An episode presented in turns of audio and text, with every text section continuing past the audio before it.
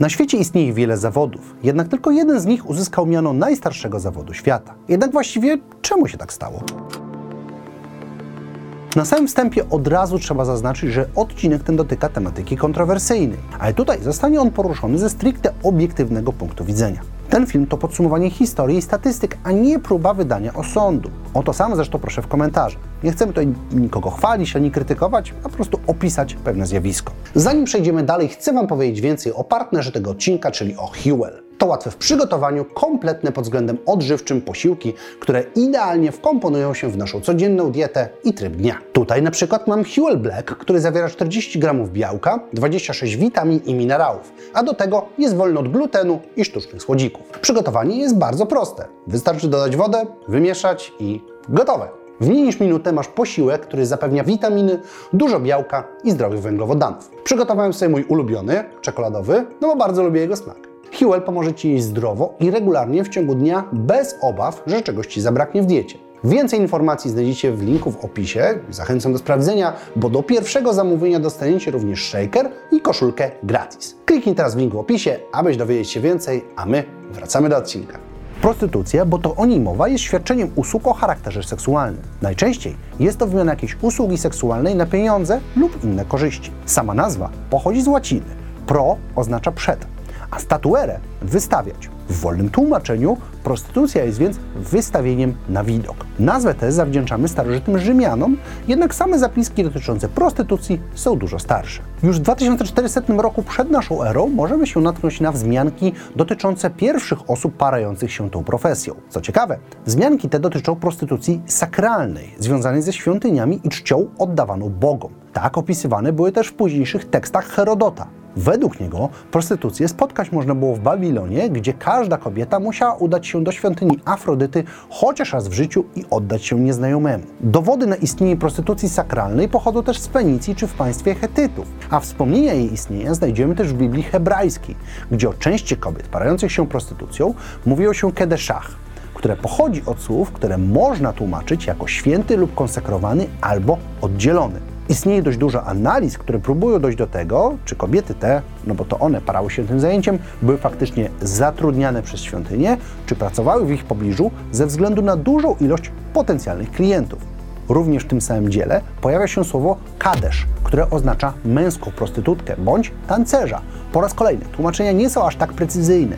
Jest też oczywiście element tego, że w różnych kolejnych wersjach, w tym też obecnych w naszej Biblii, część pojęć uległo zmianie, a jeszcze inna część pewnego rodzaju umyślnym zmianom. No bo nie ma co się oszukiwać. Prostytucja jest tematem tabu, szczególnie w kulturze łacińskiej, którą mamy możliwość reprezentować. Jednak rozciąga się to na wiele innych kultur, bo pochylając się nad zjawiskiem prostytucji, widzimy, że była i jest obecna w praktycznie każdej kulturze. Aztekowie, Sumerowie, Chińczycy, Japończycy, Grecy, Rzymianie, Arabowie itd., tak itd. U każdej cywilizacji pojawiają się wzmianki o osobach parających się prostytucją. I tutaj można prowadzić pewne rozróżnienia, bo każda kultura podchodziła do tematu odrobinę inaczej. W niektórych była ona w pełni nielegalna, jak w krajach arabskich wyznających islam. Prostytucja uznawana była za grzech i była po prostu zakazana. A na przykład w Japonii w wieku XVII prostytucja była legalna, ale tylko w pewnych miejscach. Do tego jest jeszcze kwestia prostytucji dla wyższych klas. Tutaj temat jest odrobinę śliski, bo japońskie gejsze czy hinduskie tawaif miały duże umiejętności i zabawiały gości śpiewem, tańcem czy grą na instrumentach. Istnieją jednak dokumenty, które świadczyć mogą, że usługi seksualne miały czasami miejsce. W kulturze chrześcijańskiej prostytucja ma specyficzne miejsce. Z jednej strony jest grzechem, z drugiej w Biblii mamy na przykład postać Rahab, prostytutki z Jericho, która jest postacią pozytywną.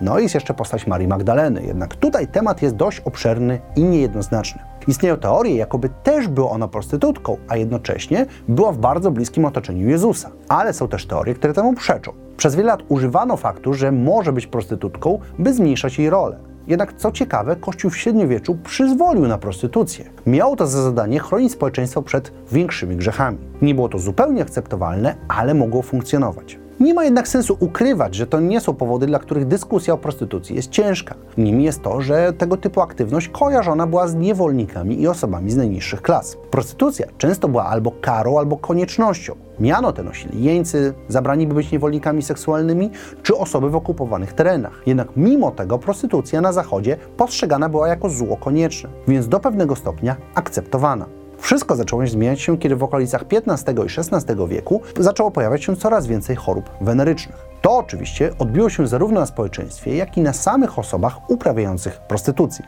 Bo tutaj warto zaznaczyć, że nie jest to rzecz ekskluzywnie kobieca. W wielu miejscach na świecie, w historii są wzmianki o prostytucji mężczyzn i mimo, że mniejsza, to cały czas jak najbardziej istnieje. Wracając jednak do historii. Wiek XVI zobaczył też zmianę prawa kryminalnego, które usuwa z przestrzeni publicznej przybytki umożliwiające prostytucję. To spowodowało, że zaczęło być jej mniej. Przy okazji zaczęło zmieniać się podejście. Podniesiono przykład Marii Magdaleny i zaczęto promować odrzucenie tego typu zachowań. Później reformacja tylko wzmocniła te ruchy. Następne wieki nie przyniosły wiele zmian. Prostytucja pojawiała się zazwyczaj jako mniejsze zło, czy jako przymus, gdzie wykorzystywano ludzi, by zaspokajać żądze przykład żołnierzy podczas wojny. Do tego poprzez poszerzającą się globalizację pojawiły się pojęcia takie jak seksturystyka albo też i handel ludźmi na dużą skalę. O tym ostatnim mówiłem już na kanale przy okazji innego filmu. Prostytucja jest tematem tabu, jednak powoli przestaje. W wielu krajach pojawiają się procesy legislacyjne, które legalizują ten proceder. W Polsce jest on niejako legalny, bo nielegalne jest stręczycielstwo, czyli nakłanianie kogoś do prostytucji, a także kuplerstwo, czyli ułatwianie tego procederu. To też kontrowersyjny temat, bo przepisy nie są aż tak precyzyjne, co rodzi wiele problemów. Jednak clue jest takie, że następuje pewna zmiana. Prostytucja powoli przestaje być aż tak zamiatana pod dywan. Podnosi się temat, że towarzyszy nam od zarania cywilizacji, a próby jej temperowania spełzły na niczym. Do tego jest jeszcze wątek internetu, który umożliwił świadczenie usług o charakterze seksualnym na niespotykaną wcześniej skalę. Szacuje się, że na świecie jest nawet 42 miliony pracowników seksualnych, a sam rynek prostytucji wart jest 187 miliardów dolarów. Najwięcej pochodzi z czarnych rynków Azji, jednak legalne rynki Hiszpanii i Niemiec również przynoszą kilkanaście miliardów dolarów. Pojawiają się ruchy i osoby walczące ze stygmą, jaka towarzyszy temu procederowi. Oczywiście nic nie jest takie piękne, jakie wygląda. Jak już wspominałem, handel ludźmi jest czymś, co istnieje, a na świecie są teraz tysiące osób, które do pracy seksualnej, w tym prostytucji, są po prostu zmuszane. Co jednak ciekawe, pomaga w tym właśnie delegalizacja, która umożliwia regulowanie i kontrolę, a to ułatwia różnym złym ludziom krzywdzić innych. Temat prostytucji jest skomplikowanym tematem, który niesie za sobą wiele implikacji moralnych. Nie ma jednej dobrej odpowiedzi, która powiedziałaby, co z tym zrobić. Jednak nie taki był cel tego odcinka. Raz jeszcze proszę o kulturę w komentarzach, nie obrażajmy siebie ani innych osób. Na dzisiaj to wszystko, zapraszam Was na inne odcinki i widzimy się w każdy piątek. Trzymajcie się ciepło. Cześć!